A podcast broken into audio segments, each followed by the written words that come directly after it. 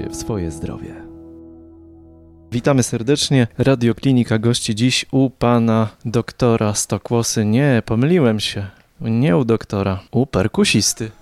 Dzień dobry, witam ponownie. Tak, perkusisty, no tak z zamiłowania, ale z zawodu lekarza laryngologa. Jakiś idol perkusji? Ja na przykład bardzo lubię Tomka Łosowskiego. Też bardzo Tomka Łosowskiego uwielbiam. Mam w ogóle wielu przyjaciół perkusistów, także też w ogóle tutaj no, jakoś w tym gronie perkus perkusyjnym od lat e, siedzę. No także no, dużo, dużo, dużo jest idoli, no ciężko tu wymienić wszystkich. Ogólnie od każdego coś tam sobie zabieram po prostu dla siebie. Zajęcie e, wymagające to jest e, niestety tak, że nie wszyscy wkładają stopery.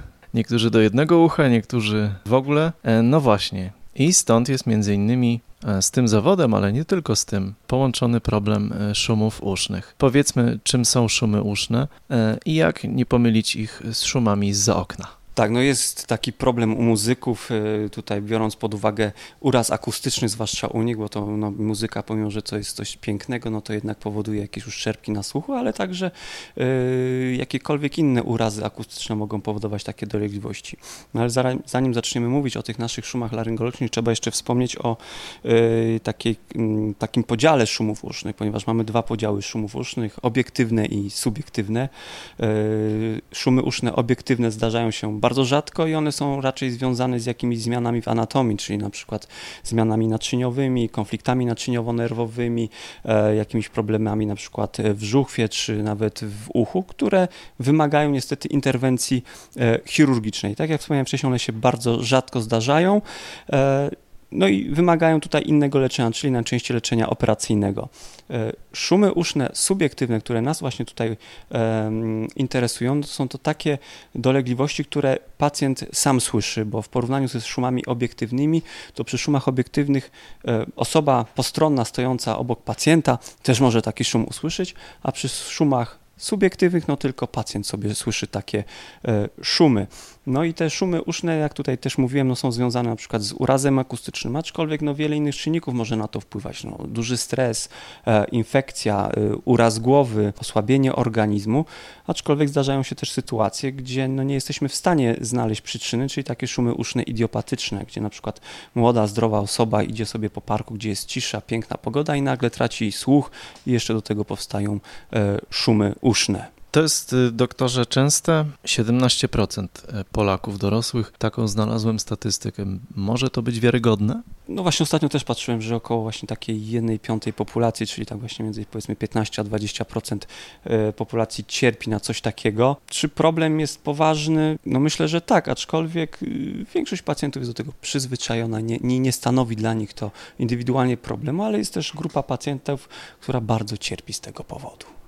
Jak dużą tu rolę odgrywa e, wiek? E, z wiekiem e, rzeczywiście ten problem narasta? Z wiekiem może narastać, aczkolwiek y, w zależności od jakiej, jaka jest przyczyna tych szumów usznych, e, może pojawić się w każdym wieku. Może być u dziecka i może być u osoby starszej. Dodatkowo y, szum uszny y, może nam charakteryzować jakąś główną chorobę, czy na przykład chorobę Meniera, czy to jest też niedosłuch wieku starczego, czy jakiś właśnie uraz akustyczny i rodzaj szumu, wysokość szumu może nam charakteryzować jakąś główną e, chorobę, ale ciężko zgeneralizować, że im człowiek starszy, tym ma większe ryzyko szumów usznych. E, skupmy się, doktorze, może na dosłownie moment e, na właśnie wymienionych przez Pana przyczynach. I zacznijmy od tej choroby Meniera, bo ja szczerze mówiąc o niej nie słyszałem, a ona jest związana, zdaje się, z nadmiarem płynu w uchu. Dobrze, dobrze rozumiem? Tak, choroba Meniera, czyli taki wodniak błędnika. No, błędnik jest to y, część ucha wewnętrznego, która y, służy nam do, y, która orientuje nas w przestrzeni, czyli jest takim żyroskopem. Mamy dwa błędniki, lewy i prawy, czyli w każdym uchu po jednym. E, koło tego błędnika w uchu wewnętrznym znajduje się ślimak, który e, odbiera nasz, tam są receptory słuchowe.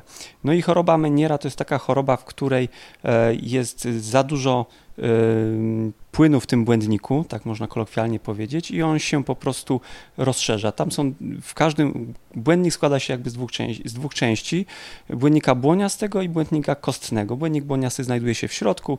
Jest to taka torebka która jest w, tym, w tej części kostnej. Jeżeli ona jest e, pęknięta, to ta, ten płyn z tej torebki się wydostaje, dostaje się między torebkę a tą część kostną i po prostu zaczyna tam wypływać, zaczyna podrażniać ten błędnik. To powoduje, że pacjent ma okresowe zawroty głowy, razem z szumami usznymi i z niedosłuchem. I te dolegliwości występują tak falowo, taka sinusoida. Jest, są okresy, gdzie jest polepszony, szum, y, polepszony słuch, e, te szumy uszne występują, ale one są, nie są dokuczliwe, zawroty głowy są minimalne lub w ogóle nie występują, po czym nas, następują okresy zaostrzenia, gdzie właśnie ta triada objawów razem po prostu występuje no są pacjenci, którzy mają kilka, kilkanaście razy w miesiącu takie dolegliwości. No jest to strasznie uciążliwa y, choroba. Nie jest groźna, ale bardzo uciążliwa. Niestety ciężko się to bardzo leczy. Y, najczęściej z wiekiem, kiedy już ten błędnik kostny jest na tyle wypełniony tą cieczą, y, swoją cieczą, no, to jest tam ta perinimfa, no to on już się dalej nie jest w stanie poszerzać i te dolegliwości przez to zaczynają e, się stabilizować na jednym poziomie, no ale to trwa tak naprawdę latami. I żeby tak rozpoznać chorobę, rozpoznajemy chorobę Meniera na podstawie wywiadów i dolegliwości pacjenta, bo żeby y, rozpoznać to w badaniach, no to trzeba tak naprawdę y, tylko zrobić y, badanie posekcyjne, sekcyjne zwłok po śmierci. No to jest jedyne stuprocentowe rozpoznanie choroby Meniera, jedynie rozpoznajemy na podstawie wywiadu i dolegliwości. Mówiliśmy o kolejnej przyczynie, czyli hałasie. To powiedzmy o hałasie, ale chciałem dopytać, no tak, hałas długotrwały, zwłaszcza, bo o takim mówimy, który uszkadza nasz słuch i powoduje niedosłuch. Czy to zawsze jest powiązane u osób, które miały zawodowo najczęściej e, no, doświadczenie z takim ogromnym natężeniem hałasu? Czy u nich to jest zawsze powiązane niedosłuch i szumy uszne? Czy osoby, które pracowały w hałasie przez wiele lat, no to większość z nich jednak ma ubytek słuchu i u większości też pojawiają się szumy, ale mm, też nie możemy tego generalizować. No, są osoby, które jednak ten słuch y, mają dobry, aczkolwiek no, większość osób ma jakieś tutaj ubytki słuchu. Mm, no te szumy uszne też u tych pacjentów występują.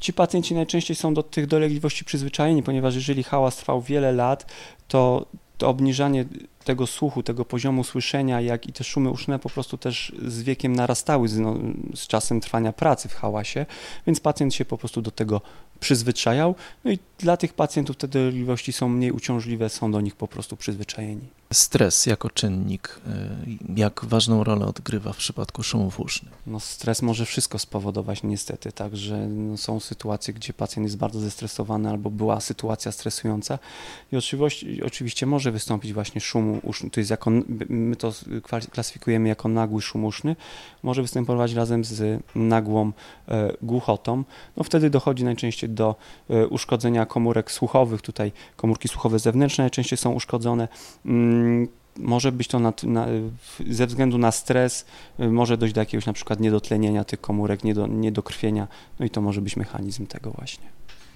Jak doktorze jest, jeśli wygląda o, jeśli, jeśli powie, powiemy o diagnostyce? Co pacjenta powinno zaniepokoić, jeśli już jednak zdiagnozuje u siebie jakiś problem? No, jednak ten szum będzie w stanie odpowiednio zweryfikować, że co dalej? Rozumiem, że najpierw lekarz y, rodzinny, potem specjalista. Co robi specjalista? Jeżeli przychodzi do nas pacjent z szumem usznym, no to oczywiście musimy zebrać z nim wywiad, porozmawiać, w, od kiedy ma te, te, takie dolegliwości, czy kojarzy jakąś przyczynę, która może e, wiązać się z tym szumem usznym, ewentualnie z niedosłuchem. No i oczywiście musimy e, zbadać pacjenta, czyli wykluczyć te szumy e, obiektywne. Oprócz takiego typowego badania laryngologicznego, gdzie badamy prawda, uszy, nos, nosogardło, gardło, krtań, no powinniśmy zrobić badania obrazowe, inne badania diagnostyczne, zaczynając od badań słuchu, gdzie robimy audiometrię, najlepiej z poziomem szumów, tympanometrię, ewentualnie e, takie badania obiektywne słuchu, czyli potencjał wywołany z pnia mózgu posługujemy się dalej badaniami obrazowymi, czyli tomografię uszu, czy tam nie ma jakichś y, zmian zapalnych w uchu środkowym, ewentualnie zmian w kanale nerwu y, słuchowego. Y, robimy rezonans głowy, który jest dokładniejszym akurat tutaj badaniem. On właśnie nam ocenia przebieg nerwu słuchowego, nerwu twarzowego, czy tam nie ma jakichś zmian guzowatych e, lub właśnie jakichś konfliktów naczyniowo-nerwowych, które właśnie te dolegliwości mogą powodować w postaci obiektywnej. E, badanie błędnika robimy, czy te, czy też któryś z błędników nie jest uszkodzony właśnie też w chorobie Meniera, czy też ci pacjenci z tymi dolegliwościami mogą nie mieć choroby Meniera, ale mogą mieć zawroty głowy i tak samo niedosłuch i szumy uszne. Jeżeli mamy wszystkie te badania i one są w granicach normy, czyli nie podejrzewamy, nie podejrzewamy tam jakichś zmian złośliwych lub patologicznych, przyjmujemy, że są to e, szumy uszne, laryngologiczne, subiektywne, no i tutaj zaczyna się troszeczkę, zaczynają się troszeczkę schody, ponieważ jeśli chodzi o leczenie takich szumów usznych, no nie do końca na świecie zostało poznane. Nie ma wielu leków, które dobrze by, by działały. No w tym momencie chyba najlepszym lekiem jest betahistyna. Wiele firm produkuje ten lek. No betaserg jest y, oryginalnym lekiem.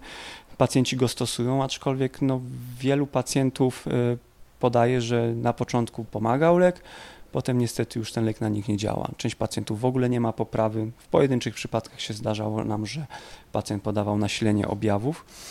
Też taka ważna rzecz, że e, kilku pacjentów mi mówiło, że jednak po oryginalnym leku czuli się lepiej w porównaniu z lekami generycznymi. No, ciężko mi się do tego odnieść. To są leki dostępne, z, refundowane, czy to są leki jeszcze w fazie testów? Znaczy, tu akurat jeśli chodzi o betahistynę, no to jest lek dostępny na receptę. Niestety nie jest to lek refundowany i no nie należą to leki też do tanich leków. E, jeżeli lek pomaga dla pacjentowi, no to ten lek jest stosowany no, tak długo, póki pomaga. No, są pacjenci, którzy go latami stosują. E, żeby stwierdzić, czy lek pomaga, no to co jakiś czas prosimy, żeby pacjent odstawił ten lek no i porównywał e, swoje dolegliwości, czy się nasilają bez leku, czy są takie same. No, zdarza się, że po, po, po na przykład roku stosowania pacjent odstawia i stwierdza, że no, jak nie stosuje leków, to no, nie ma żadnej różnicy, więc wtedy wychodzimy z założenia, że tego leku nie musi e, stosować. No tak jak powiedziałem, no tutaj to jest chyba jeden z najlepszych leków na te szumy uszne. E, jeśli chodzi o inne leki, no to są na razie badania kliniczne w fazie klinicznej z takim no, na razie średnim skutkiem. Na razie nic, nic nie weszło nowego na rynek.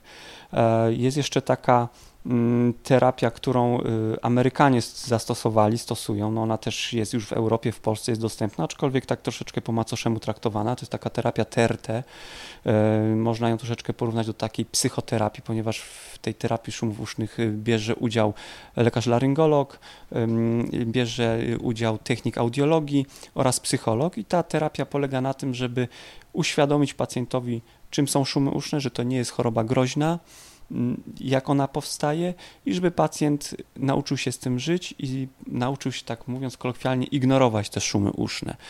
Po prostu ich, żeby ich nie dostrzegał, żeby jego zainteresowanie i koncentracja były skierowane na inne czynności, a nie na te szumy uszne. Jeżeli o tych szumach usznych nie myślimy, po prostu ich nie słyszymy. Oczywiście jak przypomnimy sobie, że te szumy uszne występują u nas, no to oczywiście je od razu usłyszymy. Rozumiem, że tutaj leczenie operacyjne no, nie wchodzi w grę. Są niektóre możliwości leczenia operacyjnego, na przykład przy, przy chorobie Meniera jest możliwość e, niektórych operacji chirurgicznych, aczkolwiek y, nie, nie daje to wielkiego y, skutku. Jeśli chodzi o same e, szumy uszne, były próby mm, na przykład przycinania nerwu słuchowego, y, zwłaszcza u osób, które mm, miały duży ubytek słuchu, więc tutaj mm, i tak to słyszenie było bardzo, bardzo osłabione, ale też nie, nie zawsze dawało to efekty.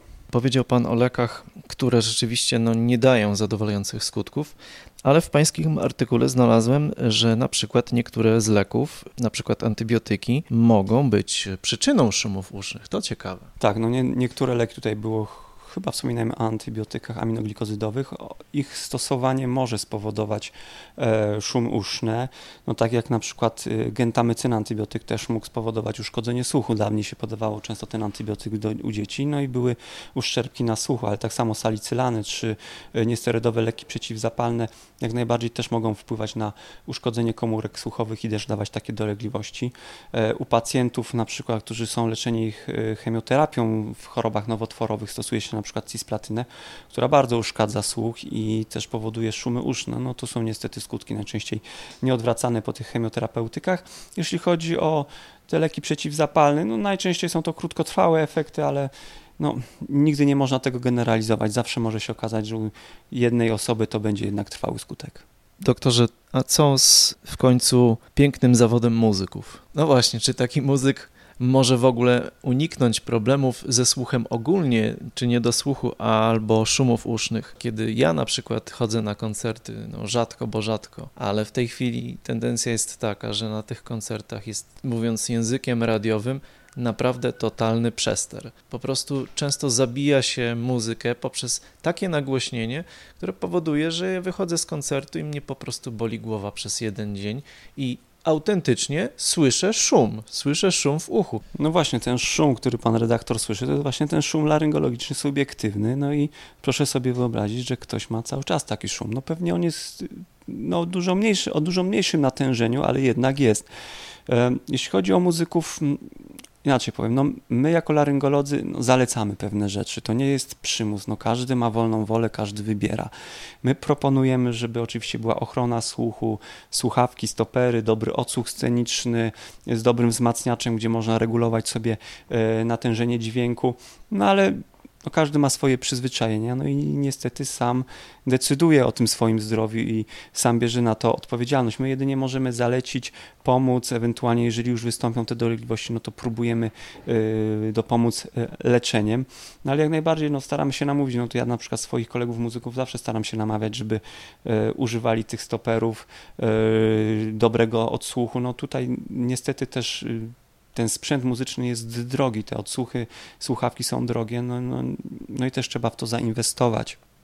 Musi być taka higiena tego słuchu też, żeby właśnie, jeżeli ktoś się zdecydował na stosowanie słuchawek czy stoperów, żeby zakładał te e, urządzenia w ciszy, w spokoju, w sensie w pomieszczeniu, gdzie nie ma natężenia i dopiero wtedy zaczynał grać lub wchodził na, na, na koncert i tak samo ze zdejmowaniem, żeby nie, jeżeli ściągniemy lub założymy, żeby nie była nagła różnica natężenia, bo wtedy to jest najgorsze, wtedy powstaje właśnie uraz akustyczny właśnie w najbardziej w sytuacji, kiedy ściągamy stopery czy słuchawki i nagle jest duże uderzenie natężeniu, natężonego dźwięku, no i to może spowodować właśnie uraz e, akustyczny.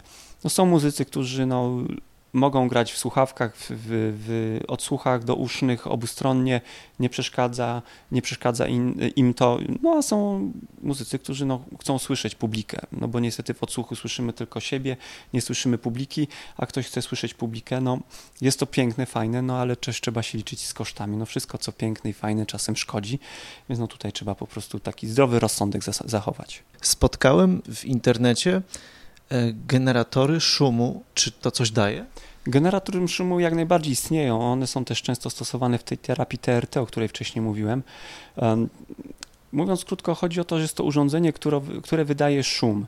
E, na tym urządzeniu jesteśmy w stanie ustawić sobie podobną częstotliwość, jeżeli się uda nawet taką samą naszego szumu, który my słyszymy jako pacjent.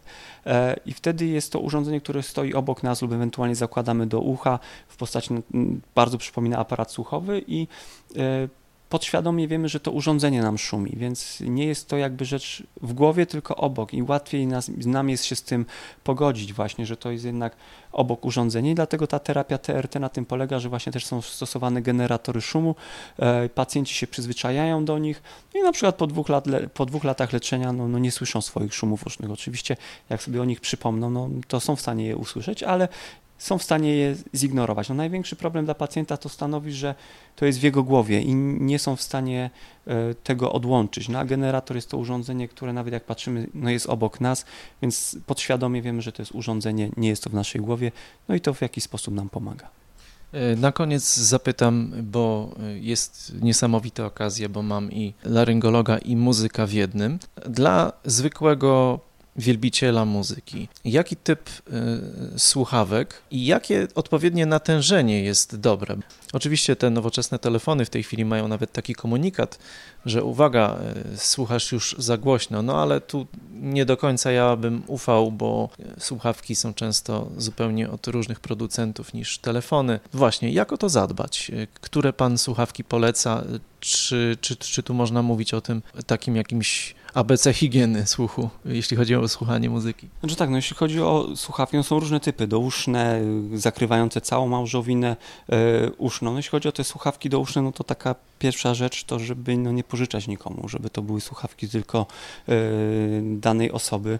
Dobrze byłoby co jakiś czas te słuchawki przemywać, odkażać, no bo niestety no, w uszach zbiera się woskowina, tam zbierają się bakterie, zbiera, zbierają się różne zanieczyszczenia, więc te słuchawki później mogą przenosić też y, infekcje, no i jeżeli no, mogą powodować y, stan zapalny. No, są słuchawki douszne robione na zamówienie, czyli jest zrobiony odlew małżowiny usznej. Niestety one są dość, dość drogie, bo ceny wahają się tam od 2000 do nawet 10 tysięcy złotych, w zależności jaka firma.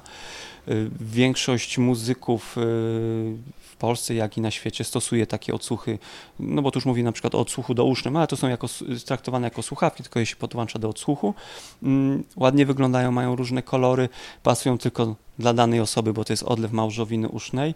E, na pewno jest to dobre, ponieważ y, jest szczelne ucho i nie dobiegają dźwięki spoza, aczkolwiek są osoby, którym przeszkadza, że jest za bardzo szczelne to ucho w tym momencie, więc te niektóre słuchawki mają taki kanał wentylacyjny, gdzie to ciśnienie między błoną bębenkową a e, słuchawką jest e, wyrównywane. Jeśli chodzi o natężenie dźwięku, no to zawsze powinno być takie, no nie maksymalne, no to maksymalne niestety powoduje, że y, ten nasz słuch będzie się osłabiał. No ja myślę, że tak dwie trzecie, jeżeli ktoś lubi słuchać, to powinno być oczywiście dobrze. Mm, no bez, bez przeginania, no ale to każdy lubi swój, swój rodzaj muzyki i swoją głośność, no ale żebyśmy nie dawali tego natężenia maksymalnie, no będzie nas to podrażniało po prostu. Powodzenia y, na polu muzycznym, gdzieś będzie można posłuchać trochę dramsów spod pana ręki? No, na razie może jeszcze nie, na razie większość praca mi zajmuje czas, także no, no, nie mam kiedy ćwiczyć, no ale mam nadzieję kiedyś, jak tutaj troszeczkę odpuszczę laryngologię, no to wtedy będę bardziej mógł się poświęcić swojemu hobby. Będziemy nasłuchiwać i będziemy promować. Bardzo dziękuję.